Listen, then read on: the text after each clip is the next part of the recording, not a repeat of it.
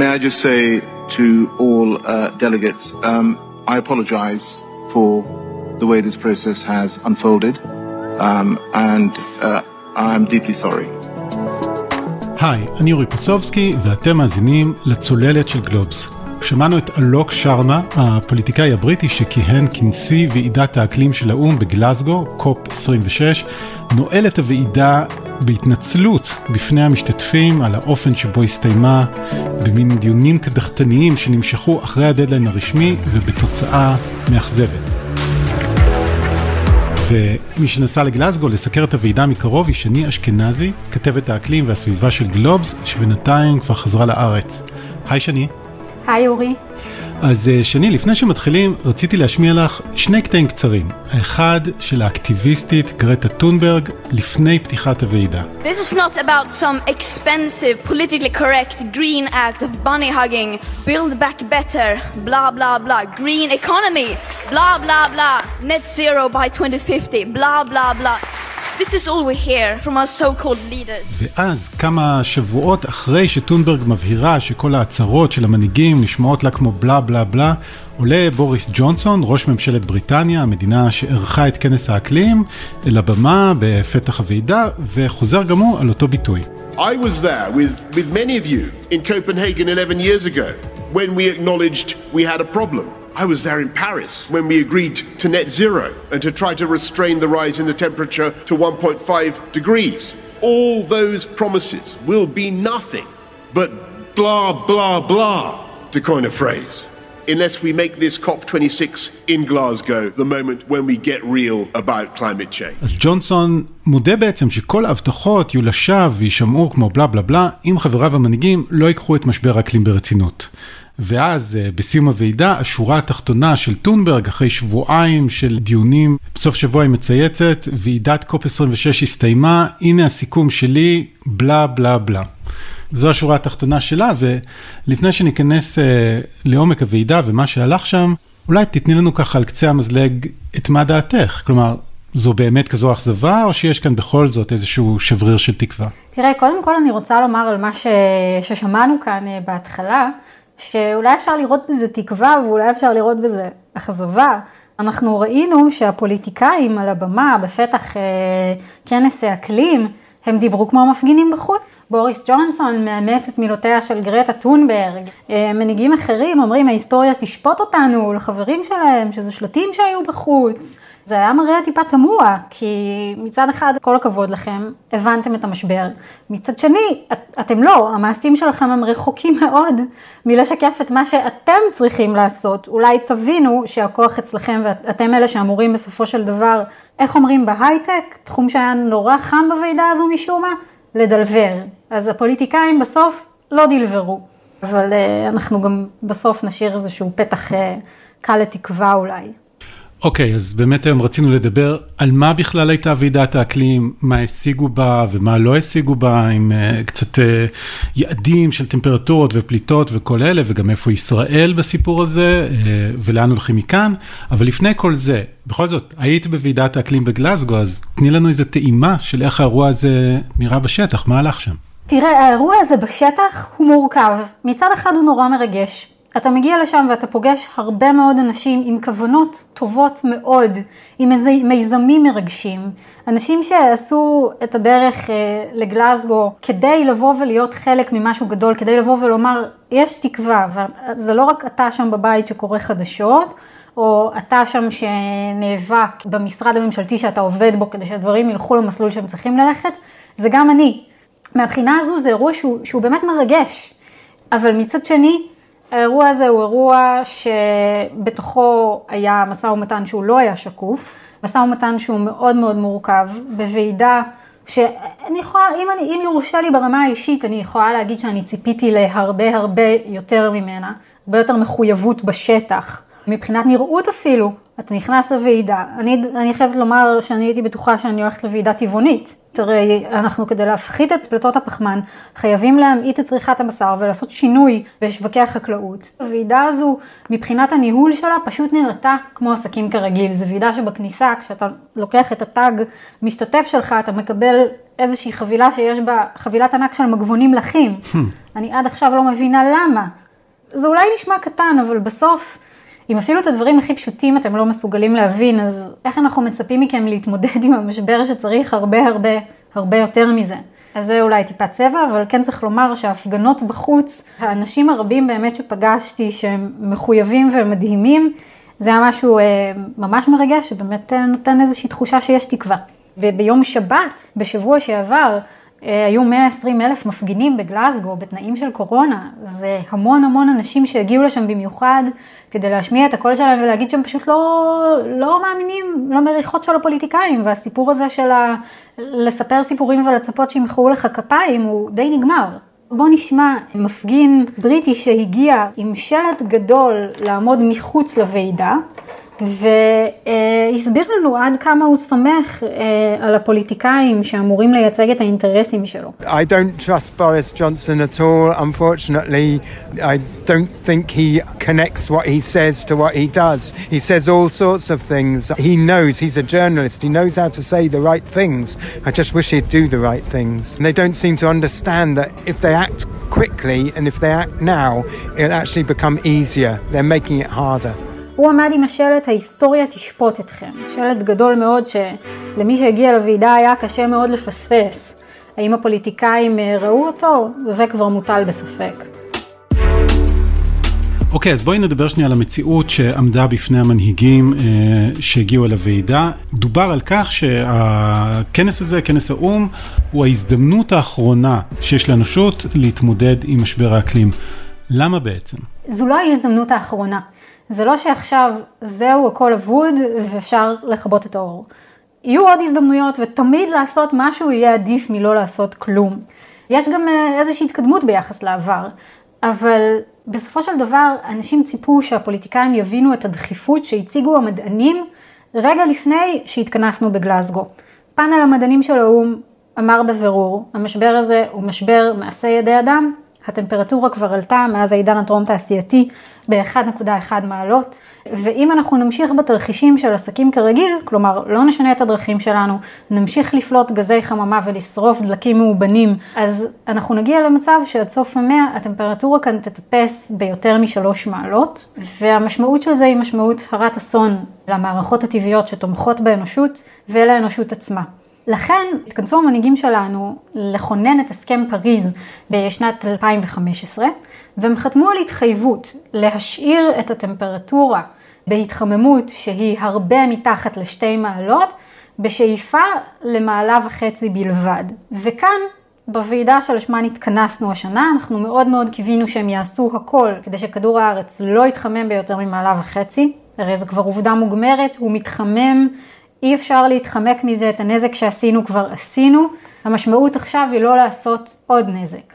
אז זאת הייתה הסיבה שהתכנסנו, כדי להבין איך אנחנו יוצאים בהדרגה מהשימוש בדלקים מאובנים שהם מחוללים היום את הקטסטרופה שאנחנו מתמודדים איתה, ואיך אנחנו מובילים לכך שאף אחד לא נשאר מאחור בתהליך הזה. 196 מדינות התיישבו סביב השולחן, סביב הסכם וולונטרי לחלוטין, לבוא ולדבר ולהסכים על איך הן הולכות להתמודד עם המשבר הזה שמאיים על אנשים בעולם כולו. וכמו שאנחנו יודעים, העסק כאן הוא לא עסק שוויוני. לאנשים שנמצאים בארצות הברית או אפילו בישראל, יהיה יותר קל להתמודד עם המשבר הזה מאשר לאנשים באפריקה. שכבר היום מתמודדים עם משברי פליטים ועם משברי מים חמורים מאוד. אוקיי, okay, וכל התמונה הזאת עמדה מול עיניהם של המנהיגים אה, שהגיעו לגלסגו לפני אה, כשבועיים, ובכל זאת, הדיונים שם התמשכו והתמשכו, ואפילו אה, נאלצו להימשך מעבר לדדליין הרשמי של הוועידה, במקום יום שישי האחרון, היא נאלצה להימשך אל תוך סוף השבוע. הם לא הצליחו להגיע להחלטה בזמן, ואולי גם לא להחלטה שהם קיוו. מה, מה היה הקושי? הקושי הוא שכשצריך לסנכרן 196 מדינות סביב הסכם וולונטרי, שבו כל אחת יש לו משקל אולי אפשר לומר כמעט שווה, קשה מאוד להגיע להחלטה. יש מדינות כמו אוסטרליה שמוכרות פחם והכלכלה שלהן נסמכת על כך במידה גדולה. ופשוט אין להן כל כך עניין כלכלי אה, לבוא ולעזור להציל את העולם, ובהחלט היו שותפות לחבלה בשיחות. יש מדינות כמו סעודיה שעסקו ללא הרף בניסיון לרכך נוסחים, מדינות כמו סין ואפילו הודו, הודו שברגע האחרון, למרות שהתושבים שלה הם אלה שסובלים מזיהום אוויר מאוד מאוד כבד וחשופים לו בצורה הרסנית, הודו היא זו שהצליחה להכניס שינוי שהיה אולי משהו כמו הקש ששבר את גב הגמל עבור רבים באולם הזה. השיחות האלה נמשכו ונמשכו, ובסופן ההצהרה ש... שהמדינות הצליחו להגיע אליה היא רחוקה ממה שרבים קיוו לראות. היא אומנם מדברת על הגבלה של הטמפרטורה למעלה וחצי מעל הרמות הקדם תעשייתיות, אבל התוכניות של המדינות בפועל וההצהרות שנתנו לא מתאימות למשימה הזאת. ובשבועיים האלה, למרות שהייתה התקדמות בכל מיני זירות, בסופו של דבר, כשסוכמים את ההתחייבויות של המדינות, אנחנו לא מגיעים למעלה וחצי. אנחנו מגיעים אולי אה, לשתיים וחצי מעלות, אם אנחנו מסתכלים על ההתחייבויות והיעדים לטווח של העשור הקרוב, העשור הקרוב שבו המנהיגים שהבטיחו את ההבטחות האלה עדיין חיים וצריכים לממש אותן. אה, ואנחנו רואים שהמדינות אומנם הציבו יעדים לאיפוס פלטות, הרבה מאוד מדינות בשנת 2050, גם סין והודו הצטרפו בעשורים שלאחר מכן, אבל את היעדים האלה המדינות לא כל כך יודעות איך להשיג. אלה יעדים שבטווח הרחוק ל-2050 אילו ימומשו במלואם יביאו להתחממות של 1.8 מעלות לפי אה, סוכנות האנרגיה הבינלאומית. אבל אה, משהו כמו 50% מהיעד הזה, הרבה מאוד מדינות עולות בטכנולוגיות שבכלל לא קיימות היום. וזו חולשה מאוד מאוד גדולה של הוועידה שמרגישה כאילו הפוליטיקאים שישבו סביב השולחן פשוט החליטו לגלגל את תפוח האדמה הלוהט הזה לדורות הבאים, לפוליטיקאים של הדורות הבאים, בעוד יותר מעשור שהם יצטרכו כבר לשבור את הראש, כי בעשור הנוכחי אנחנו לא מקבלים את מה שאנחנו היינו אמורים לקבל מהאנשים האלה. תני לי לראות אם הבנתי אותך נכון, כלומר יצאנו מהוועידה הזאת עם התחייבויות uh, קונקרטיות uh, יותר או פחות לשנת 2030, שאת יודעת זה בתכלס עוד שמונה שנים פחות או יותר, וההתחייבויות האלה אם המדינות יעמדו בהן, הן מביאות אותנו רק להתחממות של 2.4 מעלות צלזיוס, שזה הרבה יותר ממה שרצו להגיע אליו. כלומר, לא מצליחים לבלום את ההתחממות במעלה וחצי. אתה צודק. וחוץ מזה מדברים על התחייבויות הלאה אה, לשנת 2050, שזה כבר אה, עוד 30 אה, שנה. פחות או יותר, ובחלק מהמדינות 2060, 2070 במקרה של הודו, ואם יממשו את כל ההתחייבויות האלה, אז נגיע ל-1.8 מעלות, אבל זה כבר פחות קונקרטי, זה, את יודעת, כשנרנדרה מודי מדבר על אה, שנת 2070, ראש ממשלת הודו, אז זה, אין לזה הרבה משמעות. כן, זה, אין לזה הרבה משמעות, כי בסוף, או שהאנשים האלה כבר ימותו, או שהם, לא יודעת, ישתו שייק אננס בקריבים, ויהיו רחוקים ברמת אחריי המבול. עכשיו, אתה יודע מה? אולי כדאי לומר רגע את המובן מאליו לגבי עליית שברירי הטמפרטורה. כשאנחנו מדברים על רבע מעלה לכאן או לשם, אז למה זה משנה? בואו נחשוב רגע קודם כל על הגוף שלנו, מה קורה כשהטמפרטורה שלו עולה ממש בקצת. העולם, מעבר לזה שהוא לא מתחמם בצורה שווה ואנחנו מדברים על התחממות ממוצעת, בהתחממות של מעלה וחצי, אנחנו נראה ש-14% מהאוכלוסייה בעולם יהיו חשופים לגלי חום הרסניים לפחות פעם בחמש שנים. כשמדברים על שתי מעלות, מדובר ב-37% מהאוכלוסייה העולמית. מה קורה אם אנחנו מגיעים לשתיים וחצי או שלוש מעלות, זה כבר הרבה יותר מזה. ואני מזכירה לך שפוליטיקאים בעבר לאו דווקא ששו לממש התחייבויות שלהם, כך אם 2.4 זה הדבר הטוב שאנחנו יכולים לצפות לו, אז זה הדבר הדי רע שאנחנו מצפים לו. כלומר, נכון לעכשיו אנחנו יודעים על 2.4 וזה התרחיש הטוב. זה התרחיש הטוב שהוא תרחיש די רע. שני, הזכרת שם את הודו אה, והשינויים שהיא הצליחה להכניס לנוסח של ההצהרה המסכמת. לפעמים היה נראה שממש יש אה, ויכוח גדול על מילה אחת או שתיים בדוח, שאולי יש להם הרבה משמעות. בוודאי. זה בדיוק העניין, ויכוח על מילה אחת לפה או לשם. כמו שבשנת 2015 התווכחו על מעלה וחצי או שתי מעלות בהסכם פריז, אנחנו ראינו כאן תהליך דומה. אנחנו יודעים ואנחנו ציפינו לזה שהעולם יעשה מה שנקרא phase out מפחם. אנחנו יודעים שפחם זה הדלק הכי הרסני שאנחנו משתמשים בו. אה, הוא מוביל ממש למוות של מיליונים מזיהום אוויר בשנה עוד לפני שהוא מחמם את האטמוספירה והוא תורם משמעותית למשבר האקלים.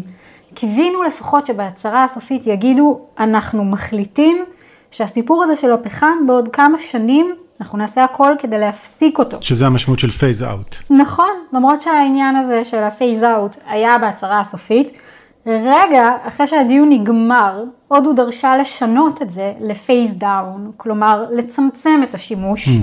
והיא גם קיבלה, וזה מה שקרה.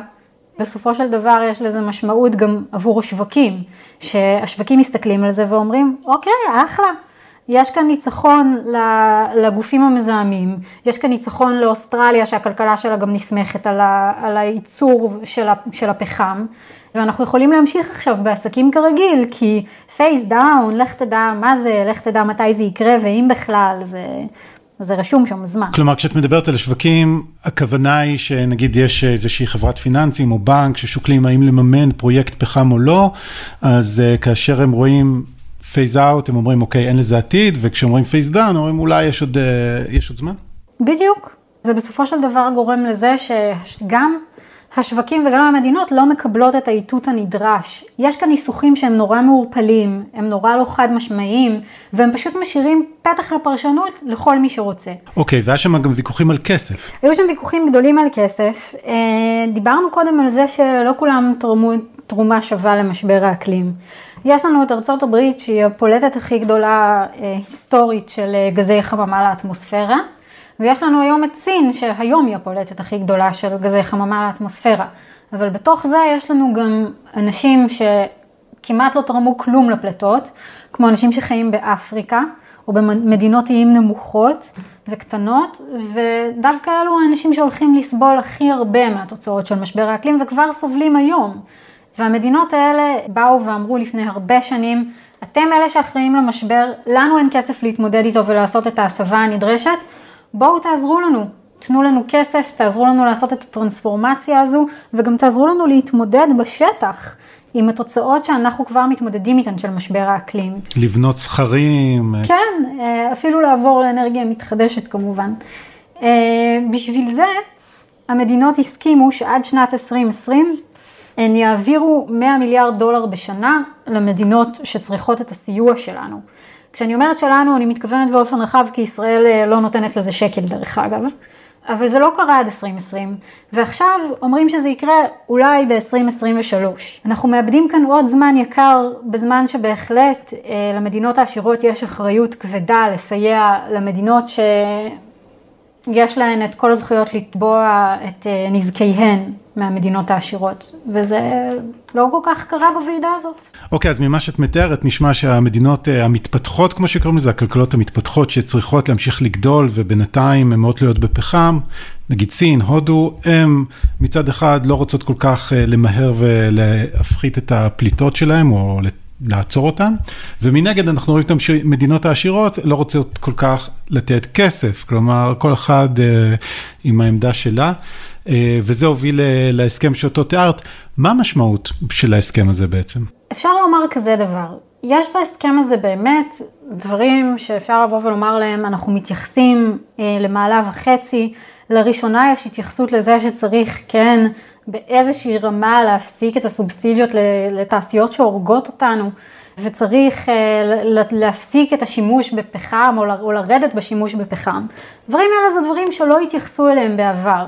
אבל בסוף המשמעות היא אולי שהדברים האלה הם מעט מדי ולא בקנה המידה הנדרש כדי לעמוד ביעדים, והמשמעות היא שבשנה הבאה, לקופ 27 שיערך במצרים, המדינות יצטרכו לבוא עם תוכניות מתוקנות. אה, מה שנקרא, אה, ההתחייבויות שמוגשות מתוקף הסכם פריז, לא היו צריכות להיות מוגשות שוב בשנה הבאה, אבל מדינות יצטרכו לתקן את עצמן. מקצה שיפורים. עכשיו, זה תהליך שאי אפשר אה, לומר שיש בו המון המון פתח לתקווה, כי המדינות כבר עשו את העבודה שלהן אה, בשנים האחרונות, כשהן הגישו את ההתחייבויות אה, לאו"ם, כדי לראות איך הן יכולות לעמוד ובאיזה התחייבויות ל-2030 ו-2050. אז יהיה כאן מה שנקרא מאבק על שברירי מעלות במצרים. אבל המשמעות אולי של מה שאנחנו רואים שקרה בגלסגו זה שבסוף הציפיות אה, לא הצליחו להדביק את המציאות ואנחנו שוב אה, נותרים עם משהו שהוא לא מספיק טוב. אוקיי, אז זה ההסכם הכללי שכל המדינות uh, שהשתתפו בכנס הגיעו אליו בסופו של דבר, אבל תוך כדי הכנס אנחנו ראינו רגעים כאלה שבו מתייצבות uh, קבוצה של מדינות, לפעמים שתי מדינות, ואומרות, אנחנו הגענו להסכם משלנו. הסכמים כאלה בשולי הוועידה, כולל, אני חושב, הסכם uh, בין סין לארצות הברית. צריך לומר שבאמת במסגרת הוועידה, כמו שאנחנו רואים שקורה לעיתים בוועידות האלה, היו כל מיני תתי הסכמים של מדינות בינן לבין עצמן. ולכל מיני בריתות הצטרפו מספר כזה ואחר של מדינות. ישראל למשל הצטרפה לפי מה שראיתי לאיזושהי יוזמה של מעבר לתחבורה נקייה.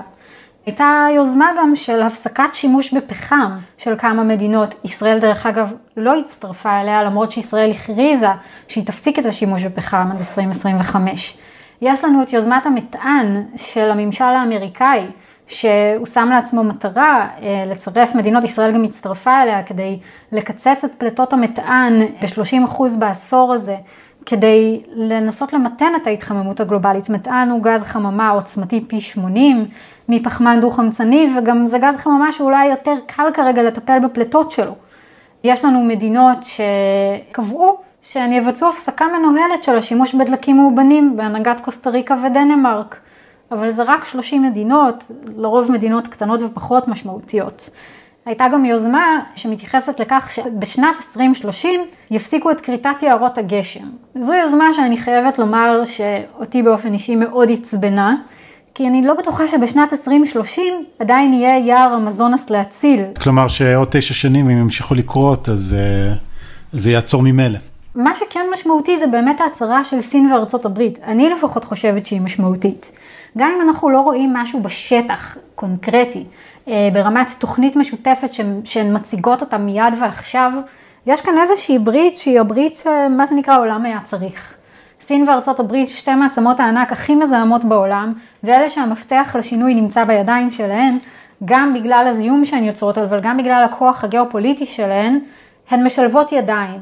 אני לא צפיתי שאנחנו נראה דבר כזה, אני חייבת לומר, ויכול להיות שיש כאן בשורה טובה, יכול להיות שמעל המלל של ההסכם, אה, הדל הזה שאלוק שרמה הציג בדמעות ממש, אה, בסוף אנחנו נראה שלמציאות יש את הדינמיקה שלה. זה יכול להיות מאוד משמעותי, אבל כמובן שאנחנו נצטרך לעקוב ולראות. כן, כי יכול להיות שהגדולים והחזקים אה, יכתיבו את הקו וכולם יצטרפו אליהם, לא בגלל שהם חתמו על איזה הסכם, אלא בגלל שהם מכתיבים את המציאות בשטח. בדיוק, גם צריך לומר שיש כאן התפתחויות, יש פה התפתחויות שהן כלכליות והן טכנולוגיות. יש מדינות שנמצאות ממש בסוג של מרוץ חימוש טכנולוגי. אם ארצות הברית עכשיו מודיעה שהיא הולכת להשקיע הרבה מאוד כסף בתשתיות, בסין כבר עושים ניסויים בקנה מידה ענק במימן ירוק, משהו שהעולם חולם עליו. הסינים מנסים מאוד להתקדם כדי להוביל את המרוץ הטכנולוגי הזה. וזה משהו שהוא קורה בשטח, ואנחנו לא יודעים לאן הוא יכול להוביל, ויכול להיות שהוא בסוף יהיה איזשהו חבל הצלה עבורנו. כן, והאמת אה, שני, אנחנו עשינו פרק על זה, פרק 93 של הצוללת, על המלחמה הכלכלית או המרוץ הכלכלי אה, לחלוש על האנרגיה הירוקה בין ארה"ב לסין. אם כבר אנחנו מדברים על אה, טכנולוגיה, בואי נדבר שנייה על מדינה שהיא לא מעצמה, לא נותנת את הטון ולא מכתיבה למדינות אחרות מה לעשות, ישראל. Israel's national pivot to climate solutions can be only achieved with the right ecosystem.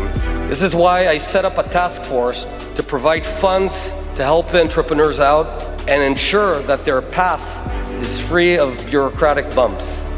Israel can become the climate innovation nation and we're ready to pave the way. ראינו את ראש הממשלה בנט מתייצב בגלסגו, כמו שורה ארוכה של מנהיגי מדינות צריך להגיד, שזה גם כן היה די מרשים, לפחות בחלק הפתיחה. איפה ישראל בסיפור הזה? ממש מאחור. איפה ישראל בסיפור הזה? ישראל בעיקר במקום שבו יש לה על מה להיות מובכת. אה, נפתלי בנט הגיע עם ירושה מאוד קשה אה, לגלזגו, אחרי דוח מבקר מדינה שאמר שההתקדמות של ישראל בהפחתת הפלטות והיעדים שקבע לעצמה בהסכם פריז נעה בטווח שבין פיגור לאפס. משפט מאוד מאוד חמור. כן. עם זה נפתלי בנט הגיע לוועידה, צריך לומר שהממשלה שלו גם לא ממש טרחה להציג איזושהי תוכנית של השגת יעדים ודאית לעשור הקרוב. הוא הגיע והוא אמר שישראל מחויבת לנטו אפס פליטות עד 2050. אין לו מושג איך אנחנו נעשה את זה, כי אין תוכנית וזה גם לא עבר בממשלה, כרגע זה רק הצהרה. בזמן שהיעדים של ישראל גם לשנת 2030 הם יעדים מאוד נמוכים. דיברנו על זה שהעולם צריך לחתוך את הפליטות לפחות ב-45%, בעשור הקרוב ישראל מתכוונת לחתוך משהו כמו 27%, ובנט חשב לעצמו, מה אני יכול לתת לעולם? דיבר כמובן על מדינת ההייטק, מדינת הסטארט-אפ, ישראל הרי נחשבת כנראה בעולם למעצמת אה, הייטק, אבל מה לעשות שההייטק הישראלי הוא הייטק שנסמך אולי במידה רבה על אה, תעשיות סייבר, ולא על מה שנקרא climate tech. אנחנו צריכים עכשיו מדעני אקלים כדי לממש את ההבטחות של בנט. אלה תעשיות שונות בתכלית, אין לנו אותן כאן כרגע בקנה המידה הנדרש כדי לבוא ולהתפאר בפני העולם על זה שהמוח היהודי ימציא לנו פטנטים. אמ, אני לא יודעת לומר איך בדיוק הוא הולך לממש את כל העניין וכל ההבטחות שלו על מדינת ההייטק. ישראל היא מדינה שצומחת במהירות והיא צריכה פתרונות בשטח, פתרונות שכבר קיימים, היא צריכה לעבור לאנרגיה מתחדשת, צריכה להפסיק לכרות עצים ולשתול חדשים, להכין את הערים להתמודדות עם משבר האקלים.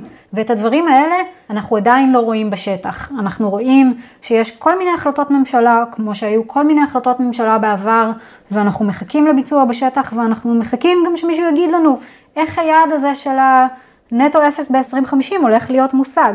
יצא לי להיפגש עם כל מיני עובדי מדינה אה, בגלזגו, והם היו חצי זוהרים, הם אמרו, אף אחד לא יודע איך להשיג את היעד הזה. אנחנו בחברה טובה. זה כזה, בסדר, בעשור הקרוב צריך להפחית 45 אחוז, גם את זה אין לנו מושג איך נעשה וגם אין לנו יעד כזה, ולגבי 2050 זה חצי הפחתה, חצי סייעתא דשמיא. נראה מה יהיה. אבל אני יכולה להגיד לך שגם פגשתי אנשים אה, משירות המדינה בגלסגו שאפילו אמרו שהחוויה הזו, זה אנשים שנמצאים בעמדות מפתח משמעותיות, הם אמרו שמבחינתם זו הייתה חוויה מכוננת. שהמקום הזה עזר להם להבין את גודל השעה, ואת זה שזה גם על הכתפיים שלהם, והם צריכים לעשות כל מה שהם יכולים כדי להאיץ את המעבר למתחדשות, וכדי להיות בצד הנכון של ההיסטוריה. האם אנחנו באמת נראה את זה במעשים? אני מניחה שאנחנו נסתכל בשנה הקרובה ונדע לשפוט uh, תוך כדי תנועה. צריך לזכור שיש לנו עדיין את עסקת קצ"א שמעיבה גם על היעדים של 2050, ויש לנו את משרד האנרגיה שיכול להיות שרוצה לפתוח את הים לעוד קידוחי גז. ואנחנו לא ממש מצליחים לגבש בזמן הזה איזושהי תוכנית בשטח שהיא תהיה אמיתית וקוהרנטית להפחתת הפליטות לצד הסיפור הטכנולוגי. אוקיי, okay, אז התמקדנו בהצהרות של המדינות אה, וההישגים שהגיעו אליהם או לא הגיעו אליהם אה, במשא ומתן שלהם בגלסגו, אבל יש כמובן עוד הרבה גורמים אה, שמעורבים, בין אם זה תעשיית הפיננסים ובין אם זה מדענים, אקטיביסטים, מפגינים. לאן דעתך כל התנועה הרחבה יותר הזאת הולכת מכאן? אני רוצה לומר שאני חושבת שהיא, או אולי מקווה, שיכול להיות שדווקא הכישלון של הוועידה הוא ההצלחה שלה.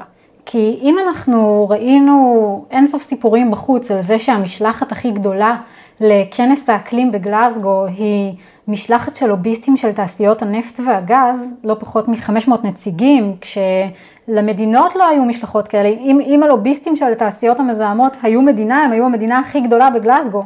אנחנו יכולים לומר שבחוץ גם ההפגנות סערו, ויכול להיות שיש היום התעוררות שהיא גם לא תפסיק ברגע שהפוליטיקאים חזרו הביתה. אני חושבת שאנחנו נראה הרבה מאוד לחץ במדינות על הפוליטיקאים, ויכול להיות שאנחנו נראה את ההפגנות הולכות ונהיות גדולות יותר ונהיות משמעותיות יותר. יכול להיות שתהיה לזה משמעות לקראת הדיונים בשנה הבאה, למרות שאני לא בטוחה שאנחנו נוכל לראות הפגנות בקנה המידה שראינו בסקוטלנד אה, במצרים, וגם לא שנה לאחר מכן באיחוד האמירויות. אני די משוכנע שלא. אוקיי, אז פתחנו את הפרק הזה עם ההתנצלות אה, של אה, אלוק שרמה ועם הפסק הדין של גרטה טונברג, שבסופו של דבר כן היה מדובר בבלה בלה בלה.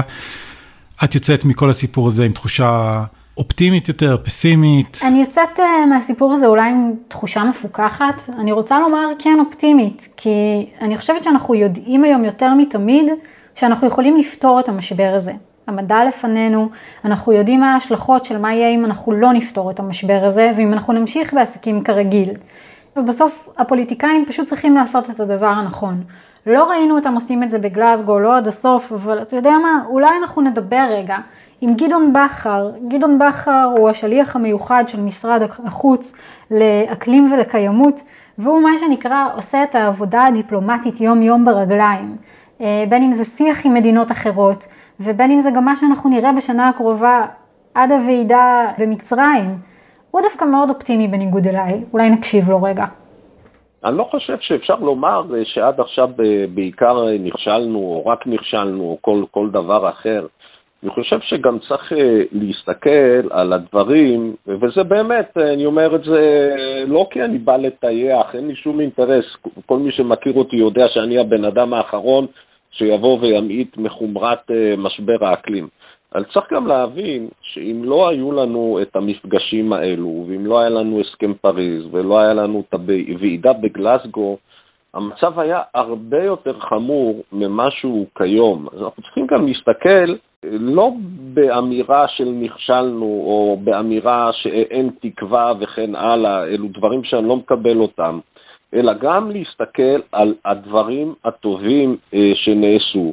ולדעת שיש הרבה מאוד אנשים טובים בעולם, באמת, גם בישראל, שרוצים ועובדים על הדברים האלו, וזה חשוב להם, והם לא יניחו אותם, והם לא יפסיקו עד שאנחנו נזכה באמת לראות בהתייצבות אה, האקלים העולמי ובמניעה של האסונות היותר כבדים, לפחות של אה, משבר האקלים.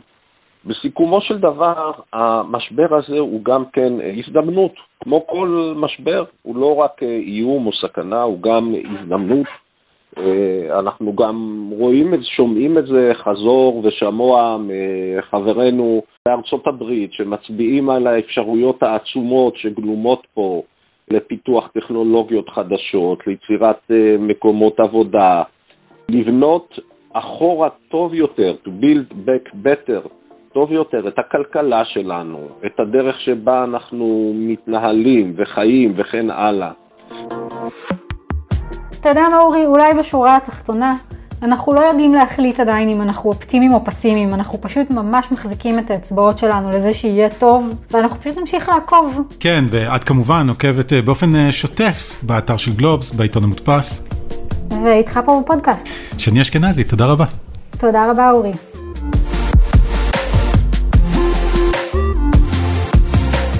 עד כאן עוד פרק של הצוללת. אתם יכולים למצוא אותנו באתר גלובס, בספוטיפיי או בכל אפליקציית פודקאסטים. נשמח אם תדרגו אותנו גבוה באפל פודקאסט ואתם מוזמנים לשלוח את הפרק לחברה או חבר שרוצים להבין מה בעצם קרה בגלסגו.